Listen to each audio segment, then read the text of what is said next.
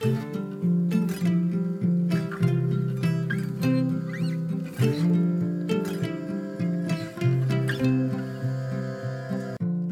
och välkommen till For Health med Anna Sparre. Idag ska jag dels berätta vad Anders Lönedal har svarat på ett par viktiga frågor som kom efter hans populära avsnitt om syra-basbalans, avsnitt 145.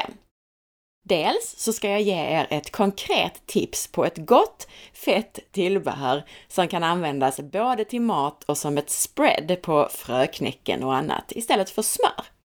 Dels för att det kan vara bra att få i sig mer kortkedjiga fettsyror från kokos och dels för att en del av er helt behöver undvika mejerier, även smör, som i många fall kan vara nyttigt i lagom mängd.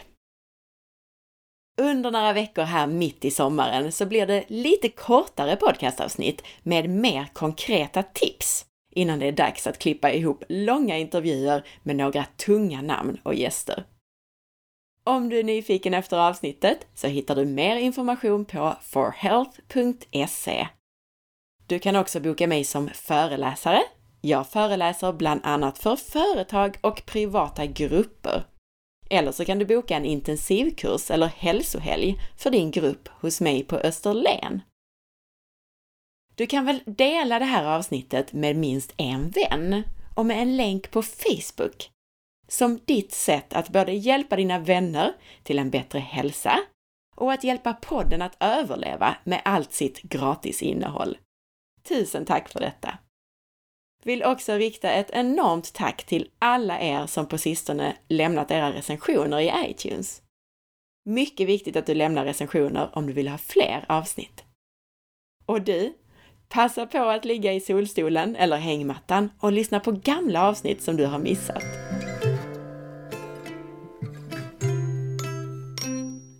Vi börjar med ett par svar från Anders Lönedal. Vi har en lyssnare som skriver Hej! Jag har en fråga efter att ha lyssnat på avsnittet om syra-basbalans med Anders. Jag har sedan ett par år tillbaka startat mina dagar med ett stort glas ljummet vatten med pressad citron i. Citronen har jag pressat i mitt glas i tron att den hjälper min kropp att bli mer basisk.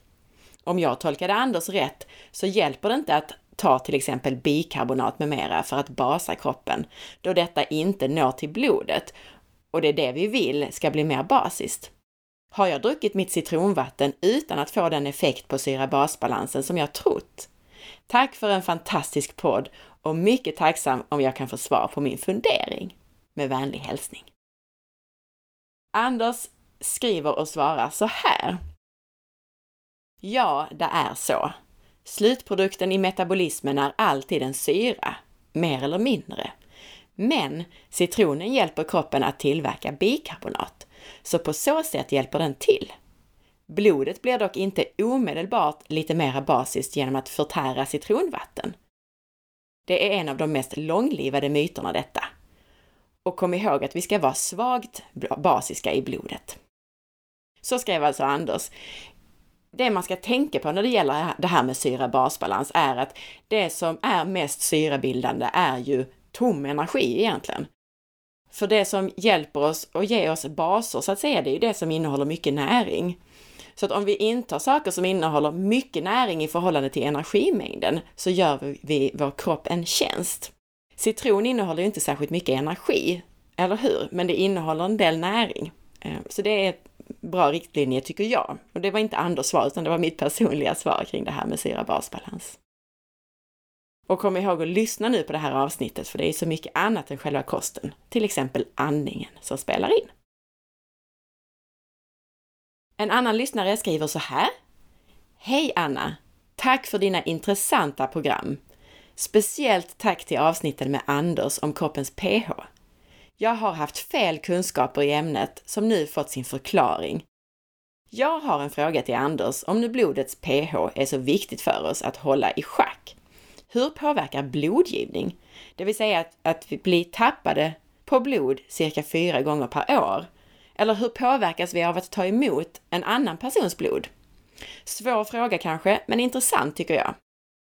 Jag har övervägt att ge blod men av instinkt skulle jag aldrig vilja ha någon annans blod vid till exempel en operation eller olycka. Tacksam för svar på återhörande från Anneli Härnösand. Anders svarar, ja du, detta är komplicerat. Jag har själv lämnat blod 49 gånger. När jag fick malaria ville de inte ha mig längre. Jag är 0 RH minus, alltså universalgivare. Och jag förstår fullständigt frågeställningen, men vad gäller pH? En transfusion av blod i ett akutläge, oftast ungefär 500 milliliter, påverkar inte blodets pH så mycket att, att överlevnaden inte sätts ur spel. Ja, om givaren har en acidos blir det en belastning, men den klarar vi. Jag skulle säga att vi ska hålla oss ifrån blodtransfusioner så mycket vi kan, men om vi av en olika behöver en så är det ingen fara. Så som sagt, Anders har alltså själv gett blod massor med gånger och det är ju superviktigt att vi har blodgivare. Glöm inte det. Om vi sen ska få blod eller, eller inte av andra, det ska vi av flera skäl bara göra precis när vi behöver det. Dels för att det är den som behöver det mest som ska ha det här blodet som är en bristvara. Och som sagt, för vår hälsas skull så är det ju bättre om vi kan hålla oss till vårt egna blod antagligen. Nu byter vi ämne, för nu ska du få tips på hur du kan göra ett eget kokosspread som jag själv brukar göra och använda istället för smör. Alltså det kan användas både som en slags pålägg och som tillbehör till mat. Det är ett sätt att få i sig korta fina MCT-fetter och att undvika en massa mejerier. Även om smör i rimliga mängder är ett bra fett så är det bra att variera. Jag utgår ifrån mitt recept på majonnäs gjord av kokosolja och det finns på forhealth.se. Ni som har testat det receptet, ni vet att det blir typ majonnäskonsistens när det är nygjort. Men efter att det stått i kylen så är det mer som ett mjukt smör eller en hård mousse. Och vad jag gör här, det är att jag smaksätter det på olika sätt så att det blir enormt gott att använda som pålägg på ett frökex eller som tillbehör till grillmaten till exempel. Äter du AIP så kan du också testa utan ägg. Det blir inte lika fluffigt, men smakerna är där. Så här gör jag i alla fall. Jag använder ett ägg, rumstempererat. Hela ägget inklusive vitan ska användas. 2 deciliter fett, Använd till exempel bara ekologisk kokosolja eller så använder du då en och en halv deciliter kokosolja och det ska vara kokosolja utan smak och sen en halv deciliter olivolja. Så totalt två deciliter fett. En halv tesked dijonsenap, en matsked vitvinsvinäger eller äppelcidervinäger, salt och peppar, en till en och en halv matsked tomatpuré, och eventuellt andra valfria smaker som till exempel örter och kryddor. Lägg 1,5 till 2 deciliter kokosolja i en glasburk och så ställer du glasburken med kokosolja i varmt vattenbad eller kör lite kort i mikrovågsugn så att det smälter och blir nästintill helt rinnande. Smältpunkten är 24 grader på kokosolja, så det ska inte vara supervarmt. Det ska bara precis smälta. Och det är också viktigt eftersom för att det här ska lyckas eh, på ett bra sätt så ska helst ägget och oljan ha ungefär samma temperatur. Ta en glasburk som är stor nog för att få ner en stavmixer. Kläck ner ägget. Tillsätt vinäger, senap, tomatpuré, salt och peppar. Tillsätt fettet, alltså olivolja och den nu flytande kokosoljan. Låt då kokosoljan svalna lite om den, har, om den blev för varm. Som jag sa, för att majonnäs, som det här får man väl ändå säga är en version av, för att det ska lyckas är det bäst om temperaturskillnaden inte är för stor mellan ingredienserna.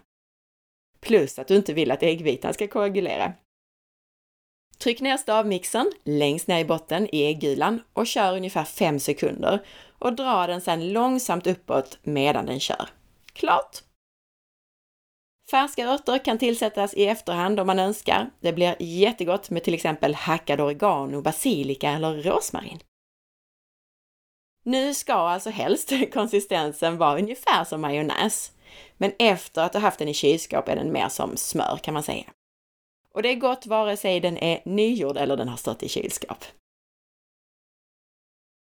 Jag använder den både istället för såser och annat till maten, grillmat nämnde jag innan. Det är också jättegott till en tonfisksallad. Och häromdagen så hade jag kvar en riktigt fin och köttig korv från dagen innan. Och då skivade jag korven och sen tog jag ett vitkålsblad som jag bredde det här kokosspreaden på. Och sen la jag korvskivor på det här. Som en nyttig korvmacka alltså, på vitkål.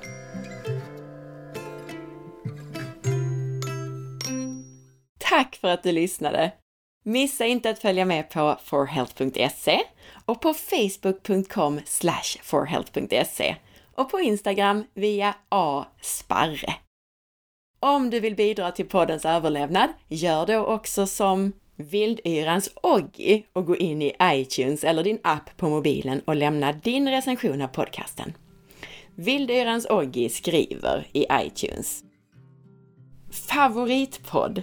Älskar For Healths podcast. Varje avsnitt är extremt lärorikt och intressant. Ser det som en investering i min hälsa att lyssna. Tack Anna för att du delar som värdefull information. Tack snälla!